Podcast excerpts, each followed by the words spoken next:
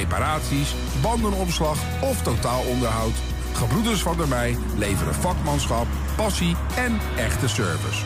Je vindt ons aan de Lonnekerbrugstraat 80 in Enschede.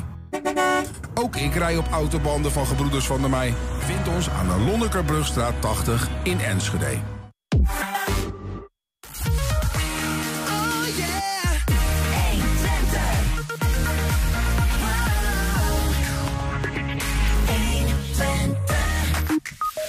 Het moest de huiskamer van Hengelo worden. Stoet, het lunchcafé in de Hengeloze Bibliotheek, ging precies een jaar geleden open. Maar hoe gaat het nu eigenlijk met die zaak? Na een totale opknap- en renovatiebeurt die maanden duurde, werd het bijna 140 jaar oude Van Dam-orgel gisteren weer opgeleverd in de Grote Kerk in Enschede. Anderhalf jaar is ervoor gevochten om een rolstoelvriendelijke speeltuin in Almelo te plaatsen. Alleen nu amper twee maanden later is hij alweer gesloopt. Geboren dat er uh, gebeurd is en waarom. En we sluiten traditioneel af met de column van Ton Ouwehand. Het is dinsdag 28 maart en dit is 120 vandaag. 120. 120 vandaag. Kennispark Twente. We weten dat het een soort eh, bedrijventerrein is. Dat het verbondenheid heeft met de naastgelegen Universiteit Twente. En dat het treinstation vlakbij ernaar is vernoemd. Het heette eerder Drinelo. Maar wat er nu eigenlijk precies gebeurt en wat wij Twentenaren daar nou mee moeten, dat is minder bekend. Wat uh, nieuwbakken-directeur Marieke Bezema betreft gaat dat veranderen. En maken we er in de toekomst zelfs een uitje van om Kennispark Twente te bezoeken. Marieke, welkom. Dankjewel. Een uitje naar een bedrijventerrein. Ja, nou, het is straks ook geen bedrijventerrein meer hoor. Dat is wel een uh, vies woord. Oh ja? Ja. Nee, het is een, echt een innovatieterrein waar je echt allemaal leuke dingen kunt doen. En waar je het voelt dat het, uh, dat het broedt en dat er uh, mooie nieuwe dingen gemaakt worden. Ben je met me eens dat dat wel het imago is nu? Dat het, een, ja, dat het misschien een beetje onbekend is ook wel. Gewoon bedrijventerrein, maar ja, zo kennen we er wel meer.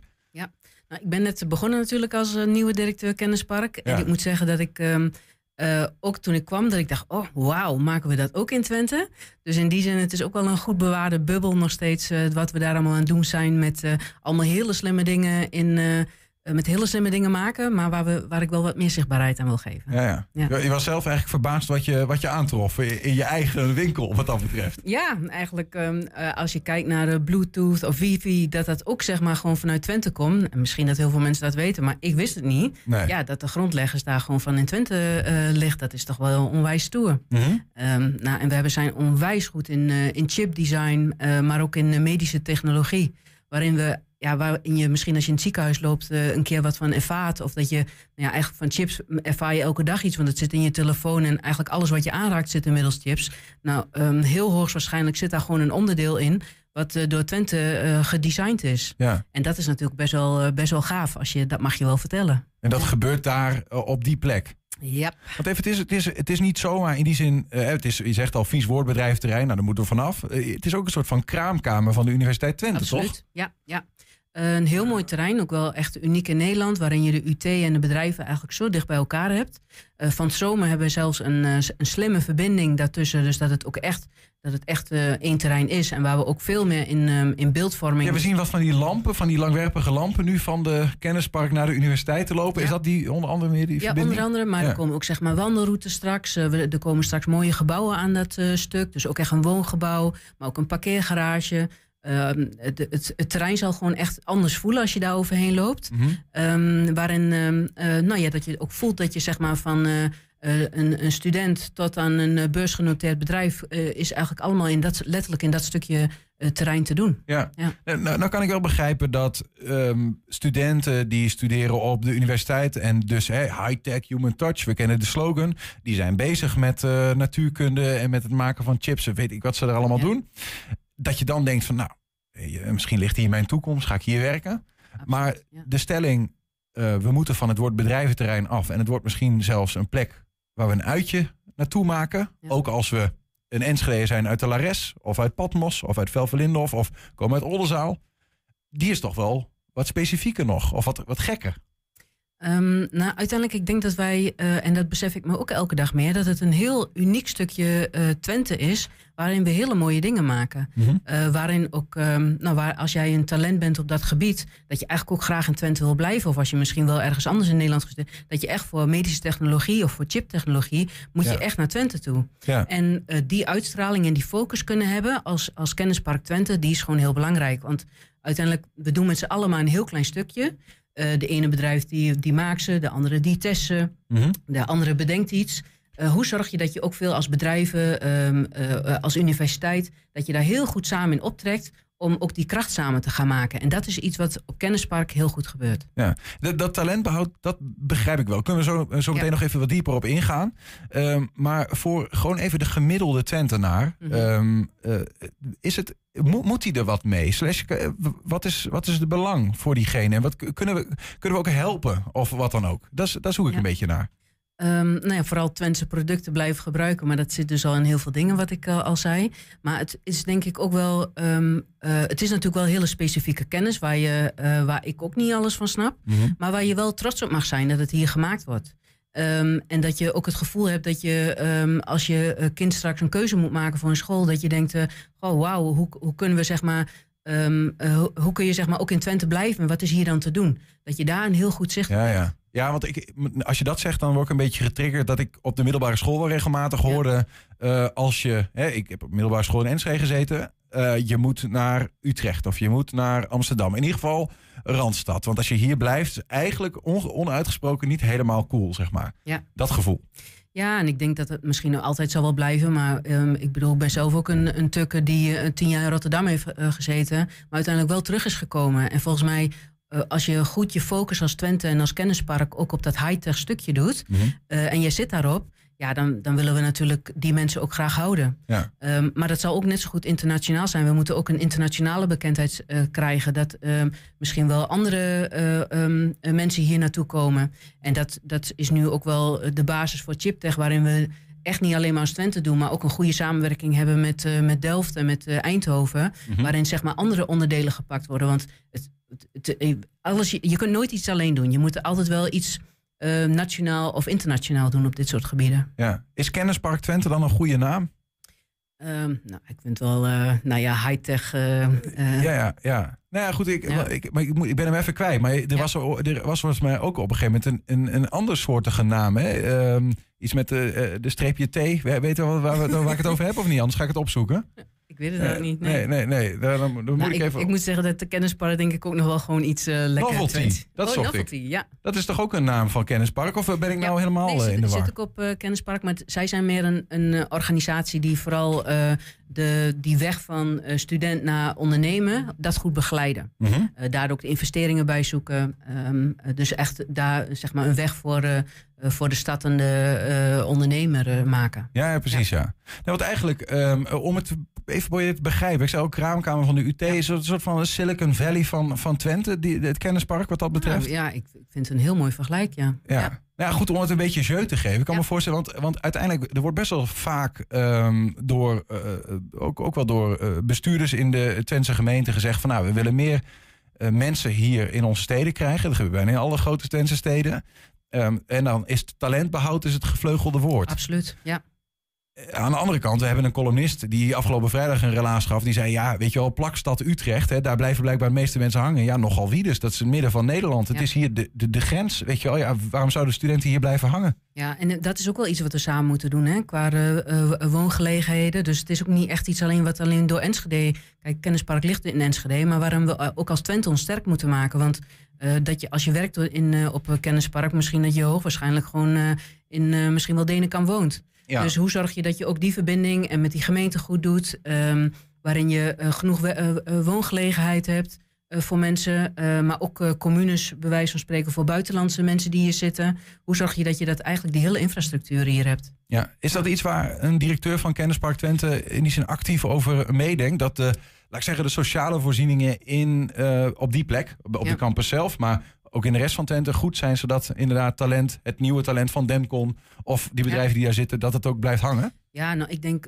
ik ben er niet zelf verantwoordelijk voor, maar ik denk dat, ik, dat we wel zeg maar die verbinding moeten zoeken om, uh, of de lobby moet doen om die dingen hier goed te doen. Mm onder andere Twentebord, om uh, die natuurlijk ook in, vaak in Den Haag zit, of de connecties met de provincie. Over hoe zorgen we dat we ook die, um, nou, die spotlight op Twente krijgen, dat we de goede mensen houden en um, dat, dat die hier ook hier blijven. Ja. ja.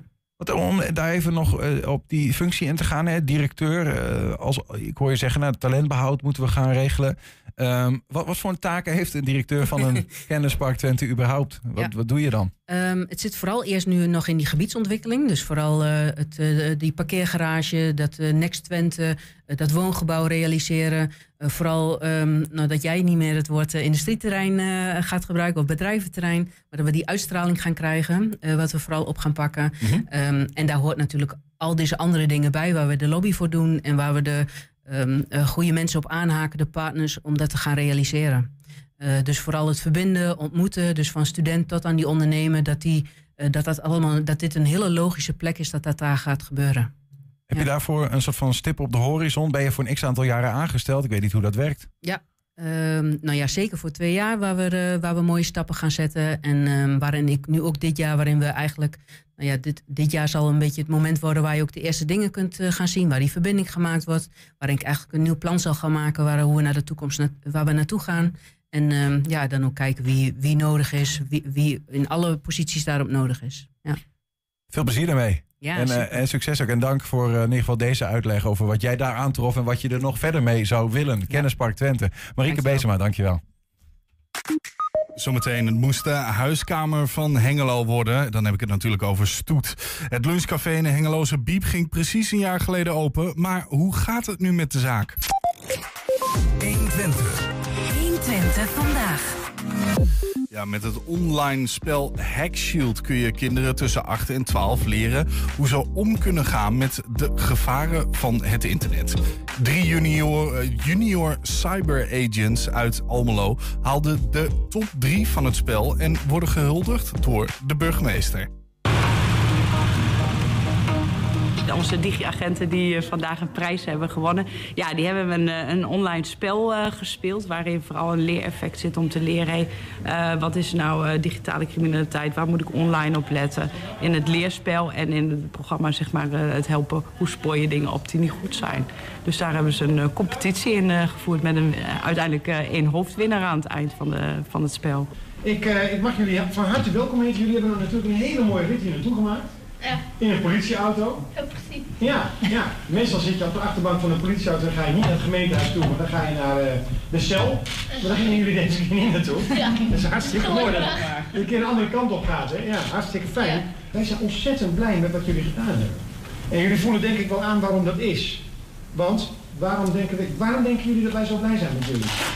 Ruben? Uh, cybersecurity en zo. Oh, ja. ja. Jullie, hebben, uh, jullie geven het goede voorbeeld samen met uh, nog, uh, wat zijn het, er 112 andere kinderen geloof ik die meegedaan hebben. 112 andere kinderen. Jullie hebben het goede voorbeeld gegeven door aan die Hackshield oproep om wat te doen aan cybercrime, om de, ja, daar mee te doen. De aller, aller, allermeeste punten, die heb jij gehaald. Ja? 16.130. Het blijft een beetje in de familie van Tessa. Jij bent tweede geworden met 9770 punten. Daniel, je bent derde geworden met 4320 punten. Nou, daar hoort natuurlijk een prijs bij, die heb ik voor jullie. Daar hoort ook een oorkonde bij. Als jullie even omdraaien wat er voor jullie op tafel ligt, dan zien jullie daar de oorkonde.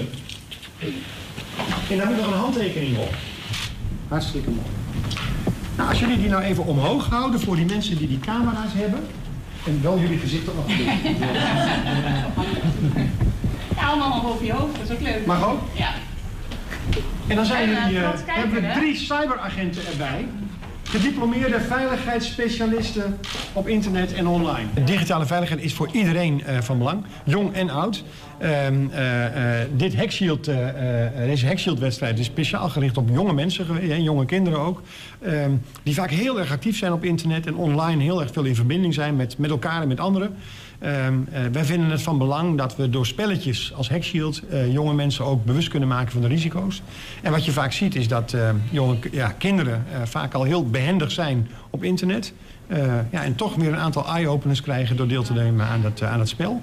We hadden een mooie respons op dit spel en we hebben vandaag de drie, de drie winnaars gehuldigd. Dit is een gezamenlijke campagne met, met de gemeente geweest. Dus ik ben heel blij dat we dit soort initiatieven oppakken in gezamenlijkheid. En dat daar scholen aan meedoen. We zijn ook van tevoren bij het start bij, bij de basisschool geweest.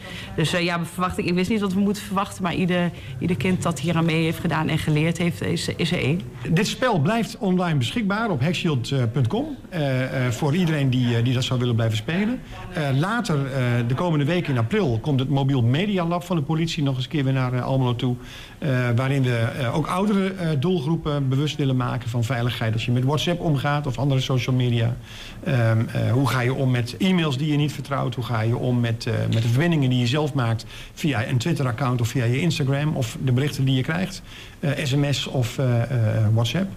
dat hebben we eerder gedaan. Dat heeft een, had een, ja, een hele goede reacties hebben we daarop gekregen.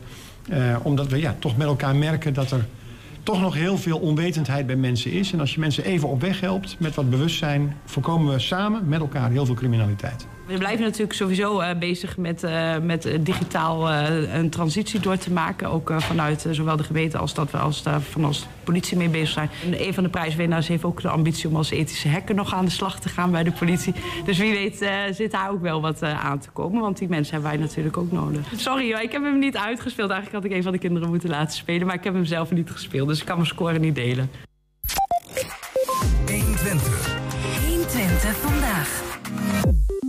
De huiskamer van Hengelo, dat moest stoet gaan worden. laagdrempelig, niet te duur en bezoekers worden niet weggejaagd als ze iets langer blijven zitten dan commercieel verantwoord is. Precies één jaar geleden ging het lunchcafé in de Hengeloze bibliotheek open. Nou, werd het eerste jaar nou wat de uitbaarders ervan hadden verwacht? En hoe kijkt Bibliotheek Hengelo nou terug op dat eerste jaar? Dan gaan we vragen aan eh, René Warmerdam van Stoet. Welkom. Hoi. En eh, aan de telefoon Miranda Kosters van de Bibliotheek Hengelo. Miranda, ook goedemiddag. Ja, goedemiddag. Voordat we gaan, uh, gaan praten, even kijken en luisteren uh, naar biepdirecteur Frederik Westra. Dit is wat ze zei bij de opening vorig jaar april op de vraag hoe blij ze was dat er na twee maanden zonder horeca weer eindelijk wat reuring was in de biep. Heel blij. Ja, echt heel blij. Het is natuurlijk heel jammer dat we twee maanden dicht moesten, maar dan krijg je er ook wel iets voor terug. Dus ik ben ook heel blij dat we open zijn, maar ook heel blij met het resultaat wat er nu staat. Ik denk dat we ook heel goed bij elkaar passen. wij willen heel graag een laagdrempelige bibliotheek zijn. Zijn we ook. En daar past natuurlijk een laagdrempelige horecavoorziening bij. Nou, kijk maar om je heen. Jong en oud voelt zich hier denk ik thuis. Dus dat is uh, heel fijn. Uh, dus uh, ik heb er heel veel vertrouwen in dat het heel goed gaat komen. En dat we samen, dus want dat vind ik heel belangrijk, invulling geven aan dat concept van de huiskamer van de stad. Want dat willen wij heel graag zijn met elkaar. Hij heeft ook te maken met een andere visie van de bibliotheek. Wat meer reuring in, in, de, in de tent. Nou, dat, of dat lukt of niet, daar gaan we het over hebben. René, je begon een jaar geleden hè, met je vrouw samen stoet in, in Hengelo. Uh, wat, wat zou jij nu zeggen, heeft dat gebracht voor de bibliotheek of voor Hengelo misschien zelfs, als het grote trekken? voor Hengelo, dat vind ik... Uh, Te groot? Ja, nou, dat, dat, dat laat ik aan Hengelo zelf over. Ja. Wij merken in ieder geval wel dat we na een half jaar, uh, na wat een half jaar, het tweede half jaar heel lekker lopen daar. En dat de mensen die komen, die komen ook terug. En dat is wel fijn om te zien natuurlijk. Aarzelend eerste half jaar? Ja, wat, wat grillig. hele goede dagen en toch ook dan in één keer weer een dag dat je denkt van... Nou, waar is iedereen? En uh, eigenlijk vanaf de herfstvakantie is het gewoon uh, ja. constant gezellig druk. Heb je een idee waar dat in zit, zo'n ontwikkeling? Ik denk dat de Hengeloos ons echt nog wel moesten ontdekken. En we hadden een, in het begin een, een, kleine schare hele vaste bezoekers. En die, die, ja, dat is meer geworden naarmate we er langer zaten. Ja, gewoon mensen die zagen van... hé, hey, dit is misschien wel een interessante plek om, uh, om te zitten. Wat zijn dat voor mensen die daar komen, komen zitten bij jullie? Ja, heel gemeleerd. Dat is wat, wat we gelukkig ook uit Enschede wel kennen. Dat zien we ook in Hengelo gebeuren. Veel jonge gezinnen. De directrice had de verreuring. Nou, af en toe zorgen wij wel voor reuring. Of de kinderen zorgen vooral voor reuring. studenten, maar ook veel eminent crisis. wat oudere mensen die toch daar een, een plekje kunnen vinden. En ja. lekker genieten van een kopje cappuccino of dergelijke. Miranda, uh, wat betekent zo'n komst van zo'n uh, zo'n ja, lunchcafé? Moet het eigenlijk niet meer, ja, gewoon, ja, toch wel lunchcafés doet in zo'n bibliotheek? Nou, dat betekent voor ons wel heel erg veel, want het uh, geeft inderdaad een, ook wel een invulling aan de huiskamer van de stad. mensen willen er graag komen en we zien inderdaad, ik moet bevestigen dat het laatste half jaar het ook steeds drukker wordt. Maar ook in de bibliotheek zelf. Dus ik denk dat we elkaar daarin ook wel kunnen versterken. Dus het heeft absoluut meerwaarde. Maar de bibliotheek is toch een plek waar je wil lezen... zonder gestoord te worden door rondrennende kinderen... of misschien zelfs de eminence crisis? Nou, ik denk dat dat een beetje achterhaald beeld is. Oh. We hebben natuurlijk ook wel een afdeling of een, een, nou ja, een verdieping waar je wel rustig kunt lezen en waar je rustig kunt werken. Uh, en Stoet zit op onze begane grond en daar, uh, nou ja, daar komt iedereen binnen. En uh, ik denk dat het in de combinatie heel erg goed werkt.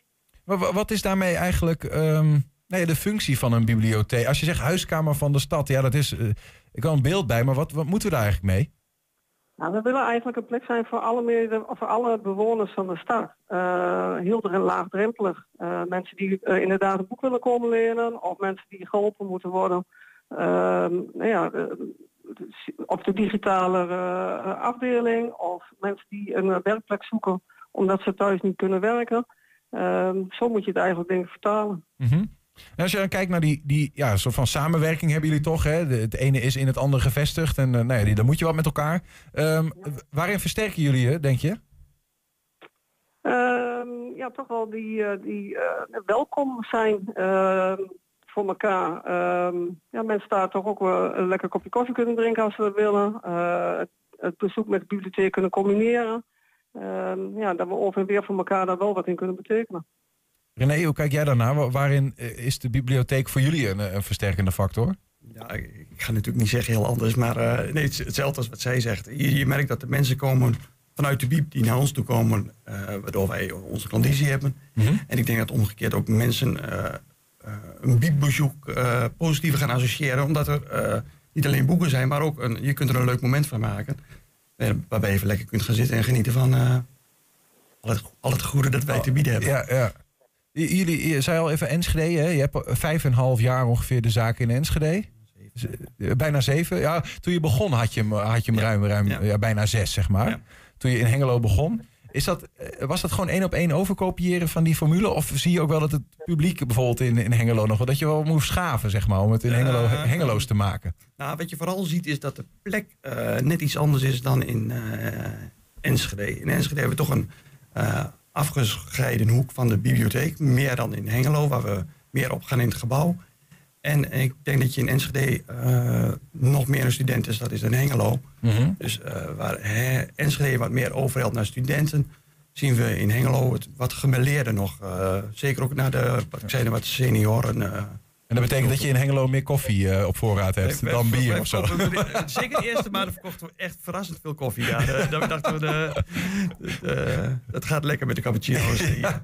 Maar zitten zit er ook nog andere dingen in die je dan, waardoor de setting, of is de setting feitelijk hetzelfde? Alleen ziet het ander publiek? De, ja, de setting is voor, voor 90% wat. Uh, we proberen dezelfde sfeer te krijgen. En natuurlijk, het, het, het ziet er iets anders uit aan de buitenkant, maar het moet inderdaad wel uh, gasvrij, laagdrempelig. Jou, jouw introductie van uh, net.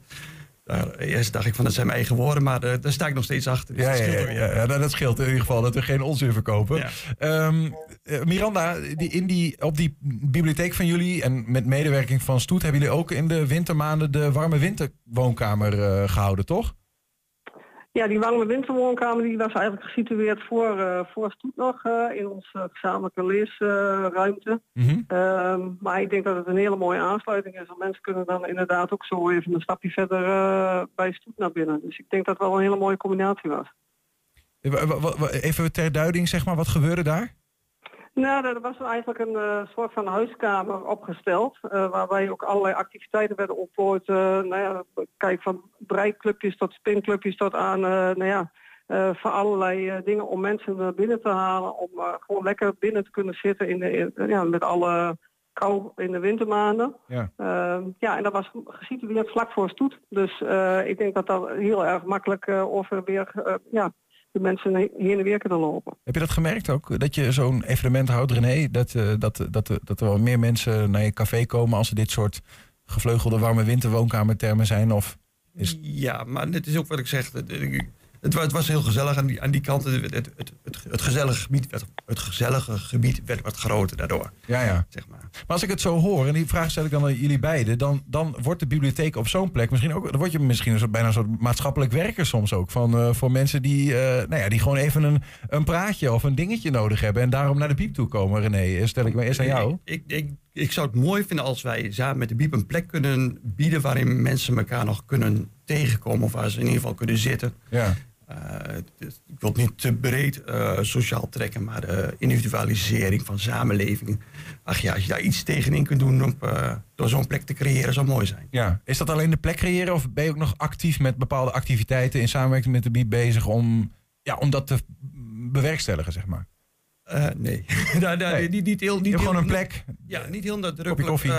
van, dit, dat is een speerpunt wat we samen uitdragen en wat we gaan doen ik denk wel dat de BIEB ons de ruimte faciliteert en daarin ook heel tolerant is naar wat wij daaraan doen zijn, uh, ontstaat die plek. En Miranda, hoe, hoe, zien jullie dat dan eigenlijk? Ik zeg al even, eh, het, het eh, bijna maatschappelijke werken worden een andere, andere functie die de BIEB heeft, maar daardoor jullie misschien ook als medewerkers soms, lijkt mij. Uh, ja, maar ik denk dat dit wel iets is wat al, uh, al een aantal jaren wel zo al gegroeid is, denk ik. Ja. Uh, en het is natuurlijk heel erg mooi dat mensen daar toch wel ook een stukje verbinding kunnen vinden. Je ziet wel dat steeds meer mensen daar toch wel echt wel contact kunnen vinden. Dus het is heel mooi dat wij als bibliotheek daarin kunnen faciliteren paar vragen nog aan jou, eh, René. Want eh, het is nu één jaar eh, stoet. wordt er nog wel een speciale manier gevierd? Wij hebben aanstaande zaterdag, dan is het 1 april. Dan hebben we feest, dan worden we één. wij tracteren, we hebben een gebak al klaar liggen wat we zelf gemaakt hebben.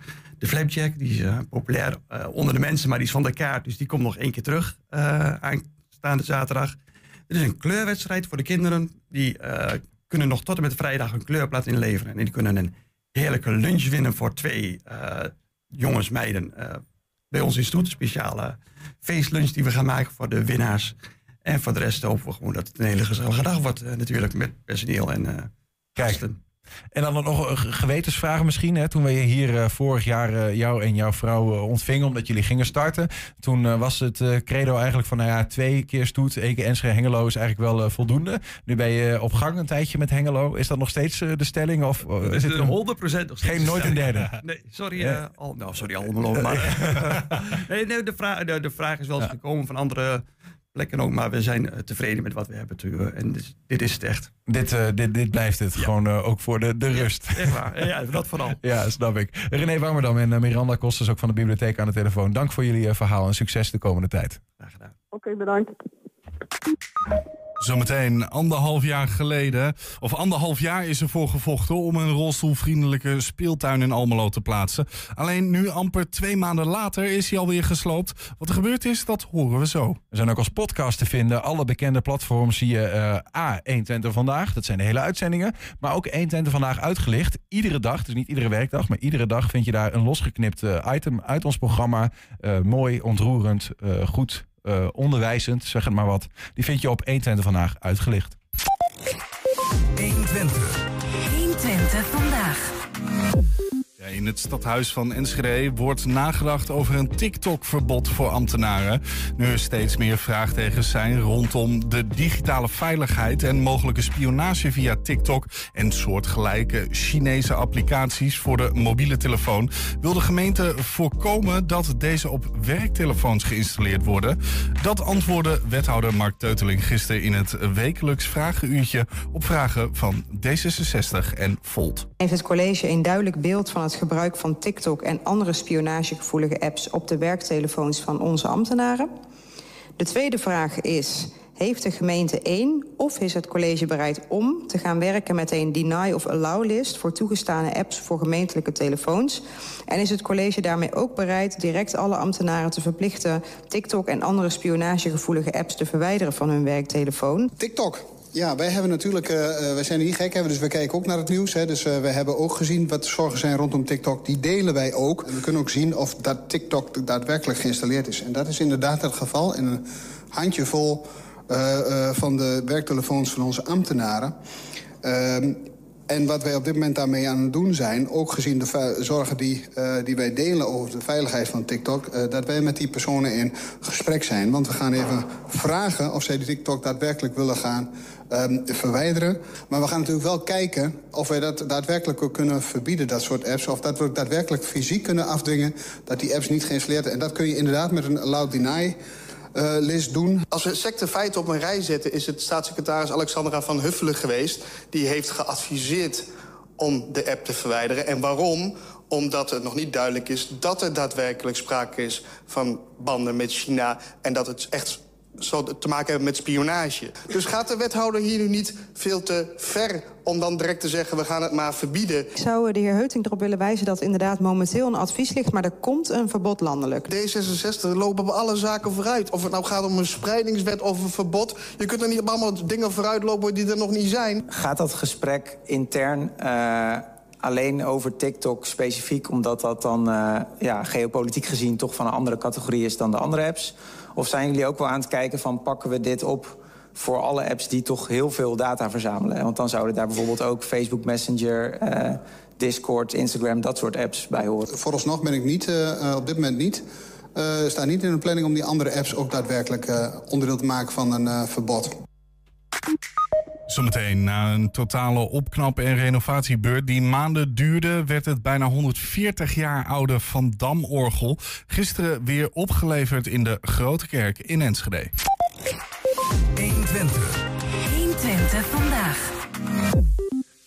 De eerste Almeloze rolstoelvriendelijke speeltuin voor kinderen is amper twee maanden geopend, maar is nu al gesloopt. Het gaat om een speeltuin in de buurt Nijrees, waar anderhalf jaar voor gevochten is door Marlinde Ringrululu. Sorry, Ring, Ringulu, moeilijke naam uh, Marlinde. En haar eh, man Marcus van de stichting uh, Jira. Marlinde, goedemiddag. Goedemiddag. En excuus voor die Flater. Maar het is wat, hè? Je is net begonnen eigenlijk. Hoe is het? Ja, ja, ja. Dat is een, een, een naam van, uh, van welke komaf is dat? Uh, mijn man is een Molukker. Een Molukker. Ring, Ringolo. Ring Ringolo, ja. En zelfs voor de Molukkers is het een aparte naam. Dus, uh. En een tongbreker soms, denk ik. En tongbreker, zeker, altijd. hey, en, en, jullie zijn eigenlijk net begonnen. en, en nu is het spul kapot gemaakt. Ja, nou, de opening is um, ehm, 1 februari geweest. En um, ja, nog geen twee maanden later is hij uh, van de week, denk ik, uh, ja, vernieuwd. Op een stuk ervan uh, kapot gemaakt, de, de bodemplaat. Ja, ja, dat is wel heel erg... Nou ja, we, we hebben ja. een foto van, van, van de vernielde schommel. Misschien goed om even te laten zien. Dit is hem. Hier zien we hem in beeld. Wat, wat is er nou precies, wat is er nou precies mee gebeurd? Uh, nou ja, ik weet het niet precies. Um, ik zag het vrijdag uh, pas toen ik met uh, mijn zoontje, die zit in een rolstoel, uh, wilde gaan spelen daar natuurlijk. Ja. En er stonden al hekken omheen, dus de gemeente was al ingelicht. Maar ik heb uit een bron vernomen van de, uit de buurt, die, um, die zegt ja, ik heb daar wel wat jonge lui gezien. Mm -hmm. En die waren daar aan het spelen, aan het hangen. En opeens was er een harde knal en fietste ze heel hard weg. Mm En hij is toen gaan kijken of hij wilde wat weggooien van uh, een poepzakje van zijn hond. En toen zag hij dus die, die, uh, ja, die, die gat, die is groter gemaakt. Of, of uh, in ieder geval, maar dat, het is ijzer, dat steekt uit. Dus ja, dat geeft... ja. Je kan er nou niet op. nee, hij is gewoon niet, niet meer te gebruiken nu? Nee, dus er moet een nieuwe plaat op, uh, denk ik. Ik weet het niet. Ze gaan nu bekijken, de leverancier, uh, leverancier wat er uh, aan gedaan kan worden. Is dat iets waarvoor ja. jullie verzekerd zijn of wat dan ook? Ik kan me voorstellen dat het wat, wat kosten met zich meebrengt. Ja, nou, de, de, het is een openbare speeltuin, dus de gemeente heeft het in beheer. Dus die zullen daar heus wel voor verzekerd zijn. En ja. er zit misschien ook wel een garantie op. En maar ja, zo'n toestel is inderdaad natuurlijk veel, veel duurder dan een gewone schommel. En, uh, ja, en daar gaat het eigenlijk een beetje om. Hè? Ja. Dat, dit is de eerste inclusieve speeltuin met zo'n schommel, met, met nog wat andere toestellen waar kinderen met een beperking kunnen spelen. En ja. we hebben een hele mooie opening gehad. Ja, en dat het dan zo vernield wordt, ja, dat is wel. Uh, hè, we hebben en dus donaties zijn ervoor geweest. Het heeft anderhalf jaar geduurd voordat de speeltuin uh, gerealiseerd is. En ja, kijk, qua jongensstreken, daar kan ik nog wel iets, dat snap ik nog. Maar dit is ja, is dit doelbewust? Of ja, dan gaan we speculeren natuurlijk. Dat is ook niet uh, wat we moeten doen. Maar goed, het is natuurlijk. Oh, uh, het, is, het is gewoon kapot gemaakt, laten we het zo zeggen. Ja, um, denk ik wel. En, als je even moet beschrijven, van het is dus een, een inclusieve speeltuin, hè, waar dus ook kinderen die rolstoelgebonden zijn, bijvoorbeeld terecht kunnen. Wat, wat, betekent dat eigenlijk voor ja, de, de, kijk, een schommel zoals die normale is, die kennen we wel. Zeg maar. wat, wat, mm -hmm. wat voor aanpassingen worden er gemaakt aan inclusieve speeltoestellen?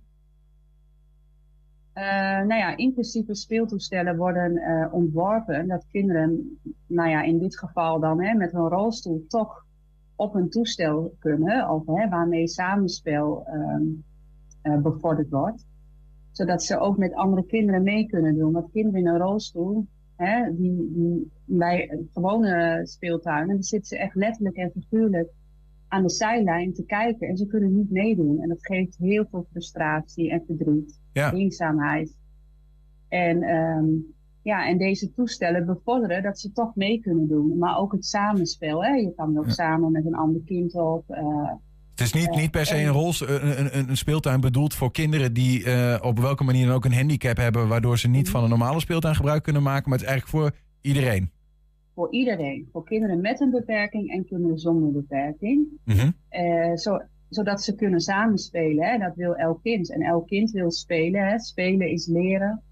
En um, ja, het leven van een kind bestaat uit spelen. En kinderen met een beperking, die komen al moeilijker tot spelen toe, omdat je niet naar dingen toe kan gaan of uh, hè, het is niet toegankelijk.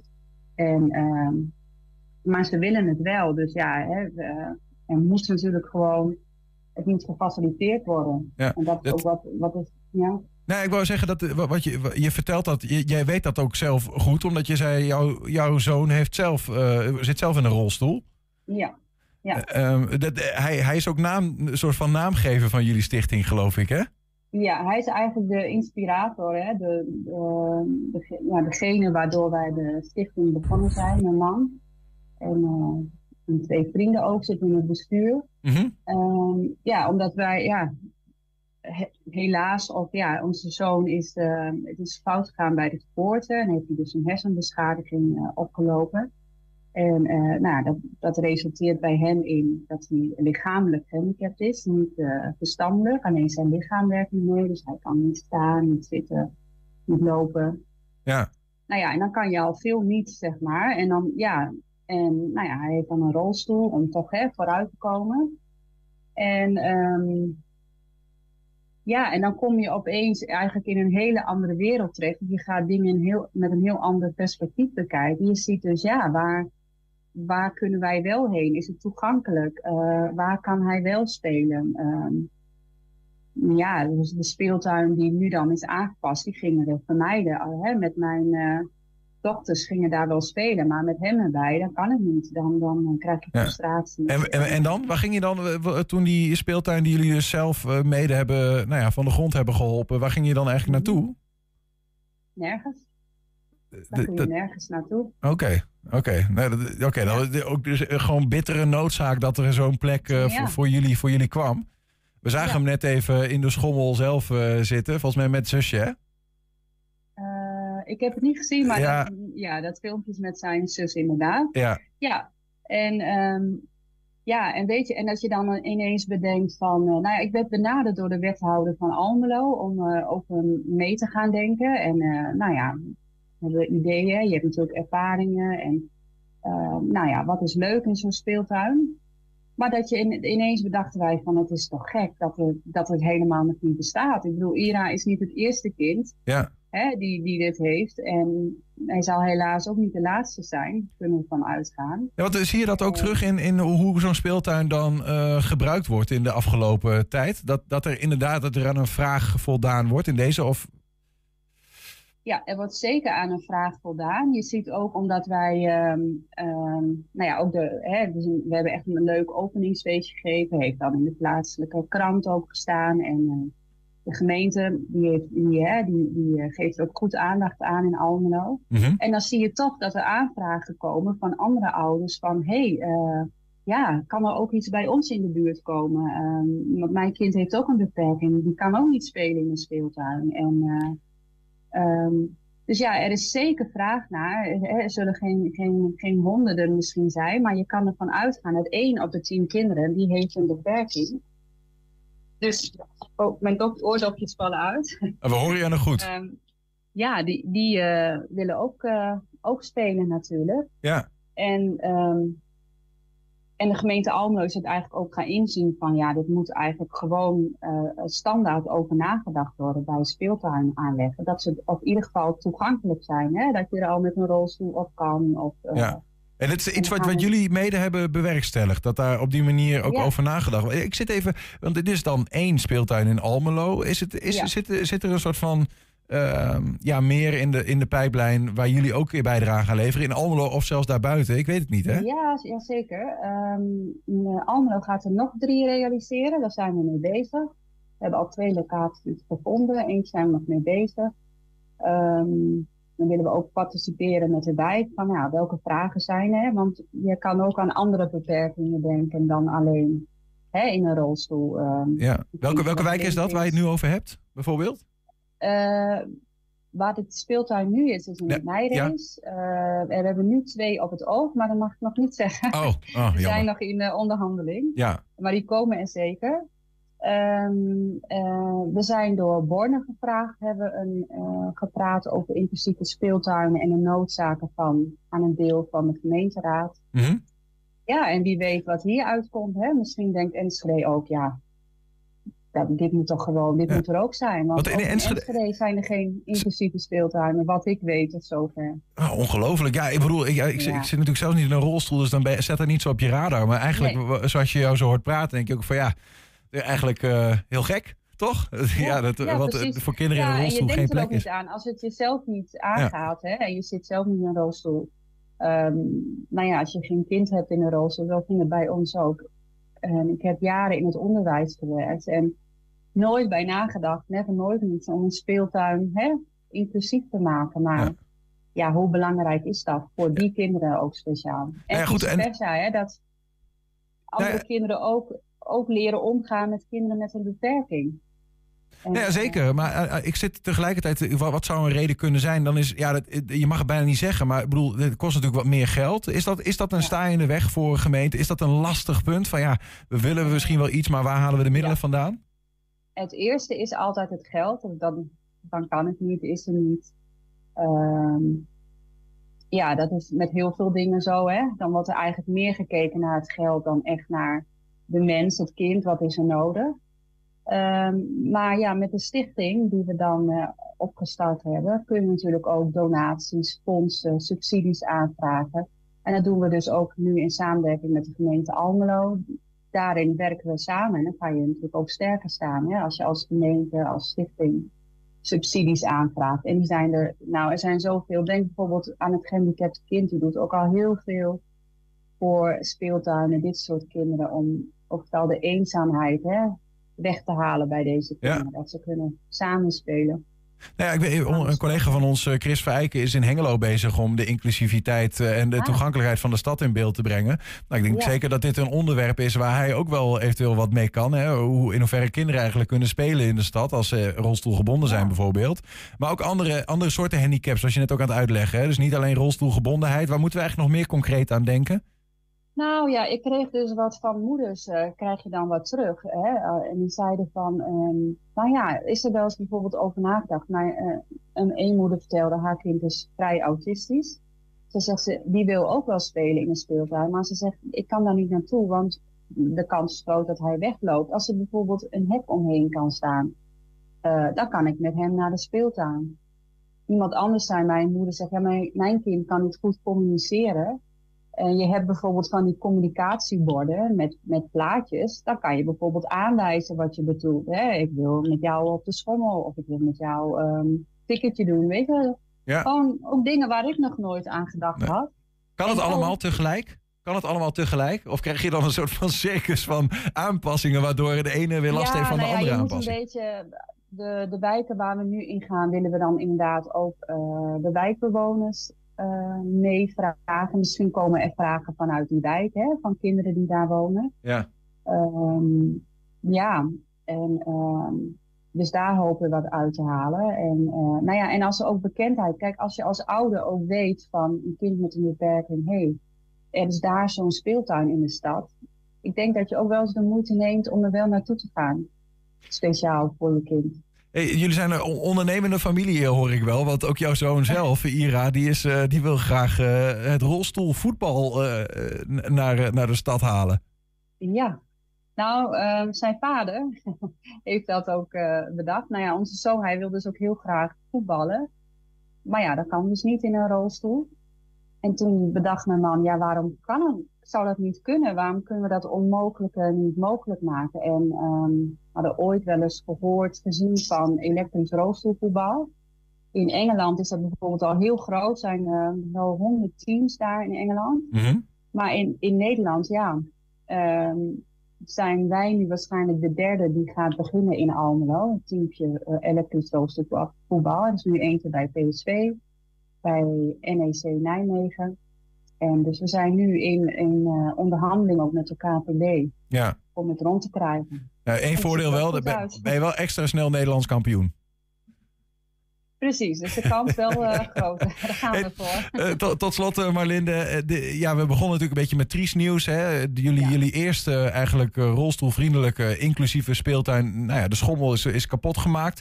Um, hoe ga je nou ja, wat ga je nou doen om te voorkomen dat dat opnieuw gebeurt? Want je gaat hem neem ik aan nu repareren. Zijn er wat plannen voor? Ja, ja wat kan je doen hè?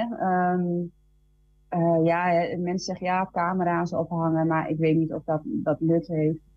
En um, ja, wat kun je eraan doen? Ik, ik hoop alleen eigenlijk door, hè, door er een beetje rugbaarheid aan te kunnen geven, dat mensen zich bewust worden uh, wat het is en hoe belangrijk het is.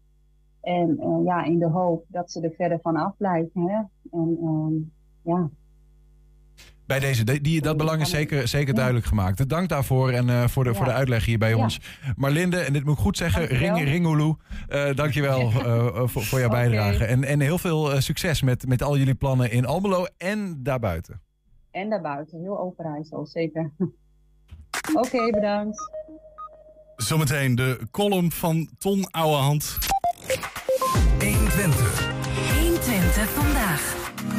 Ja, het is de Rolls Royce onder de orgels. Ja, zeggen de mensen die er verstand van hebben. En hij staat in de Enschedeze Grote Kerk. Na een, aantal, na een totale opknap- en renovatiebeurt die maanden duurde. Alle ruim 2300 pijpen werden eraf gehaald en schoongemaakt. Werd het bijna 140 jaar oude Van Dam-orgel gisteren weer opgeleverd. Huisorganist Gijs van Schoonhoven speelde hem in. En wij gingen even meekijken.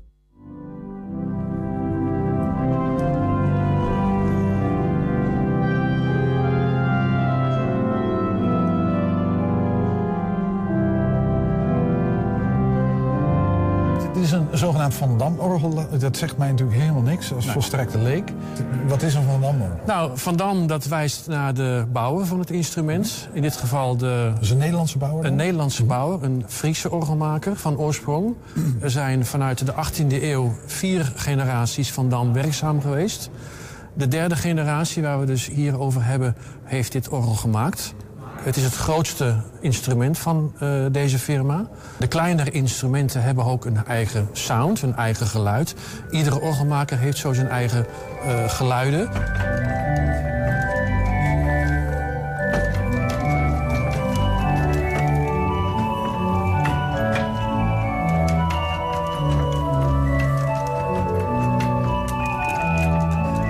Orgelbouwer van Dam was een conservatief orgelbouwer... die nog in heel, ja, je zou kunnen zeggen, in, in contact staat met de eeuw daarvoor... of zelfs misschien wel twee eeuwen daarvoor. We hebben het over 18 zoveel, hè? Dit is 1892, maar je zou kunnen zeggen dat hij nog contact heeft... op de een of andere manier met de 18, begin 18e eeuw. En het was een kind van de tijd, van de romantiek. Het derde klavier, ja, ik noem dat altijd, dat is het fondant, het snoepgoed.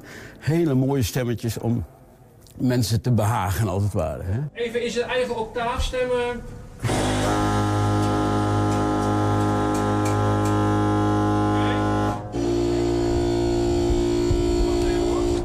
En dit orgel hebben jullie ook volgens mij al heel lang ja. Zo niet altijd al in beheer gehad? Eh, zeggen? Of- in, de, ons, in de totale geschiedenis van het orgel al heel lang. Want de eerste contacten die dateren uit 1947. Oh ja. Binnenkort weer opnieuw in gebruik genomen, want hij is ehm, een klein stukje gerestaureerd, maar vooral onderhouden. We gaan even kijken. Ja, zeker. Achterin heb je een motor, een ventilator. Die pompt de balgen vol met lucht.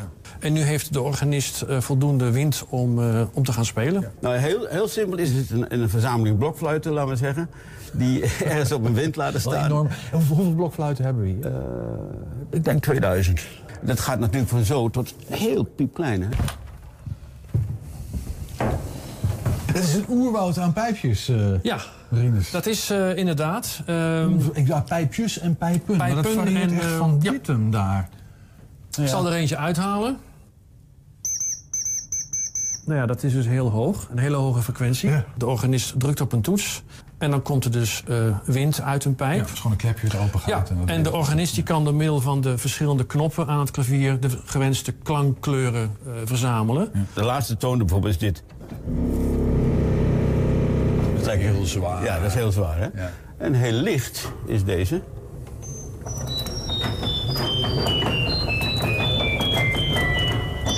Het zit allemaal in deze kast. En dan ook nog met allerlei varianten in klankkleur. Ja, de- al deze dingen, die, die knoppen noemen wij registers. Hè? Dit is een soort eh, kleur, kleurdoos, zou je kunnen zeggen. wij, wij organisten zijn conservatief, hè? we werken nog met voetmaten. En eh, hier zie je octaaf 4. Dat wil zeggen dat de laagste toon van het register wordt gemaakt door een pijp van 4 voeten. Dus ongeveer 1,20 meter. En eh, nou, dat is eigenlijk gewoon een zanghoogte. Hoor maar.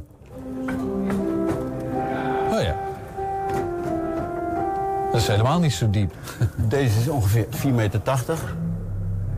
En er zijn ook wel 32 voeten. En het schijnt dat in Birmingham een orgel staat met één register van 64 voet. Maar dan kun je beter een Harley Davidson gaan rijden. Eh, ja, dat klinkt, een- dan hoor je elke trilling apart gewoon. Het pijpwerk is allemaal schoongemaakt. Dus dat betekent al die pijpen eruit. Ja, stof wat hier op het hout ligt, zit ook in de pijp. En als je de stof er dus uithaalt, dan klinkt de toon weer zoals hij moet klinken. Het orgel was heel windziek.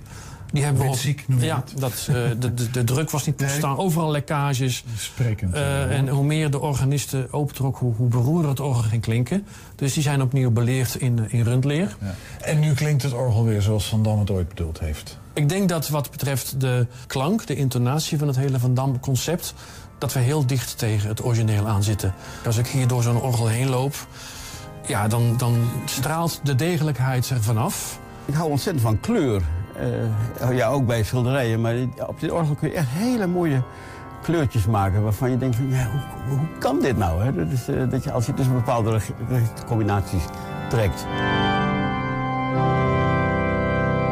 Heerlijk om te zien. Eh, Volgende week woensdagavond 5 april... dan wordt dit grootste orgel dat de firma Van Dam ooit bouwde... weer officieel in gebruik genomen. Met onder meer eh, Van Schoonhoven, die we net zagen achter de drie klavieren... en misschien wel de beste klarinetist van het land... en Enschedeer André Kerver. Heb je een tip voor de redactie? Mail dat dan eventjes naar info.120.nl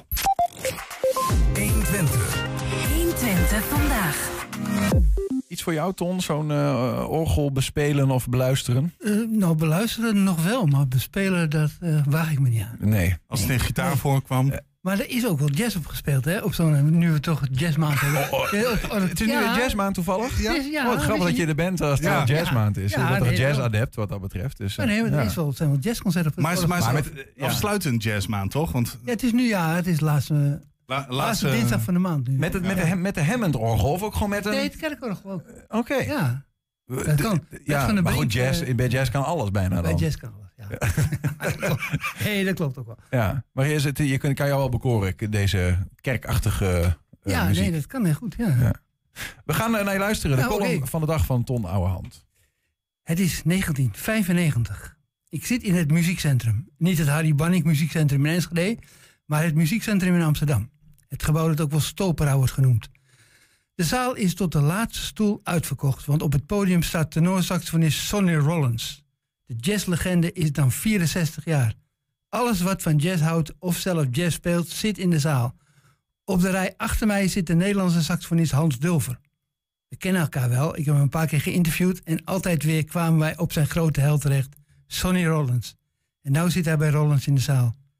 Na het eerste stuk, dat minstens een kwartier duurt, draai ik me om. Zo kan het dus ook, zeg ik tegen hem. Hij antwoordt schaamteloos hoe alles wat ik heb bedacht nu bij hem terug te horen is. Op het podium heerst jazz van hoog niveau. Applausjes van herkenning, daar kan Rollins wel mee omgaan. Als hij pakweg St. Thomas of Doxy inzet, zijn altijd wel mensen die het herkennen en die gaan dan even klappen.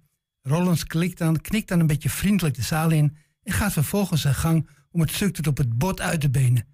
Hij haalt alles eruit wat erin zit, laat horen dat je muzikaal een klein verhaal tot enorme proporties kunt opblazen. Maar dan gebeurt er iets wat de grote, zelfbewuste Amerikaan even van zijn stuk brengt. Hij zet een Calypso Duke of Iron in. Een stuk dat op zijn laatste plaats staat. Het publiek slaat, staat als één man op voor een staande ovatie. Rollins is de enige in de zaal die daar niet van begrijpt. Wat iedereen hoort is niet een leuk stuk van kant 2 van zijn laatste LP. Wat daar klinkt is de tune van Cake op de Week van Van en de Bee. 2012. Van Cote en de Bie hebben zichzelf als televisieduo al tien jaar daarvoor opgeheven. Van, verschijnt, van Van Cote verschijnt af en toe nog een boek. En de Bie doet wat op internet, maar dat komt niet echt bij mij. Enschede krijgt echter een eigen versie van het festival Crossing Border. En wie gaat daar optreden? Nee, niet Sonny Rollins natuurlijk, maar Wim de Bie wel. En wie kan er naar Den Haag om Wim de Bie te interviewen? Ik. Zelden zoveel plezier beleefd tijdens een interview als toen. Tegenover mijn grote held kon ik vragen wat me altijd al had bezighouden. Hoe het interview in de krant stond, weet ik niet meer. Maar ik herinner me een hele aardige, zeer attente man. Ik weet nog dat we het hadden over zijn plaat Bie zingt. Die vond ik geweldig. Alleen de hoes al, waarop de Bie met bezweten kop vol adrenaline moe maar voldaan de camera inkijkt. En als je de hoes omdraaide, zag je hem met een plantenspuit in zijn hand. Waardoor je onmiddellijk snapte hoe het zat met die transpiratie. Ik vroeg naar de, het openingslied van die plaat. Ik weet het ook niet, ik heb geen idee, gaat het refrein. Ik vroeg of dat een tekst uit de praktijk was. Veel mensen dachten waarschijnlijk dat hij overal verstand van had. Zijn antwoord was: Heb jij die plaat? Die heeft bijna niemand. Natuurlijk hadden we het over jazz. Bij Van Cote en de Bie was de jazz nooit ver weg. Op de derde LP van het Simplicisch Verbond staat een dialoog. waarin Van Cote ineens My Funny Valentine begint te zingen. De Bie antwoordt daar dwars doorheen met Monin uit het oeuvre van Art Blakey. In de dialoog eindigt dat ze samen de bluesmarch van Benny Colson zingen. En Kees Verkoten die later als Oosting op Valentijnsdag in de tuin pijprokend op een trombone My Funny Valentine stond te spelen. Kees had les van Bart van Lier en die had me weer verteld dat hij omviel van het lachen toen hij die sketch had gezien. Trombone spelen en pijproken kon Van Lier allebei heel goed, maar niet tegelijkertijd. De Bie vertelt dat hij de taak op zich had genomen om de tune van verschillende programma's te zoeken. Die haalde hij van jazzplaten uit zijn eigen collectie. Two folk songs van Pat Metheny had hij bedacht voor het seizoen waarin hij burgemeester van de uit Juinen speelde. Hij zei ook dat muziek van het Art Ensemble of Chicago had hij gebruikt, van Eric Dolphy. En hij had zowel een stuk van Winter Marcellus als van zijn broer Brentford gebruikt voor een Van Cote en de B-serie. En toen kregen we het uiteraard over Cake op de Week. En ik vertelde over dat concert van Sonny Rollins. Dat die tune van Cake op de Week met gejuich werd ontvangen. Ik vroeg of de Bie daarbij was geweest. Dat niet, zei hij. Maar ze hadden het hem wel verteld. En ik heb nog een dikke week nagegloeid van trots, zei hij. Ik zie het beeld nog voor me hoe hij afscheid nam, op de fiets stapte en nog een keer zijn hand opstak. Het is dat jazzproducer Gerry Tekens mijn leraar Duitsland was geweest, maar voor de rest van Nederland was de Bie dat. En, dat is, en dan is het optreden op Crossing Border nog niet eens doorgegaan de column van Ton Ouwehand. Daarmee zijn we ook aan het einde gekomen van 120 vandaag. Terugkijken, dat kan direct. Op uh, televisie kun je ons om 8 en 10 zien. Maar je kan ons nu direct ook online al vinden op 120.nl. Zometeen op de radio kun je gaan genieten van Henk Ketting met de kettingreactie. Tot morgen. 120. Weet wat er speelt in Twente. Met nu het nieuws van 5 uur. Ik ben Ingrid Anne Broersen. Goedemiddag. Voetballer Redouan El Jacoubi is geen aanvoerder meer van Excelsior. De club wijst iemand anders aan omdat hij eerder deze maand weigerde de regenboogband met de tekst One Love te dragen. Het is een speciale actie tegen racisme en discriminatie waar de aanvoerder van Feyenoord trouwens ook niet aan meedoet. Mensen die in de buurt van Tata Steel in IJmuiden wonen... hebben nog altijd een grotere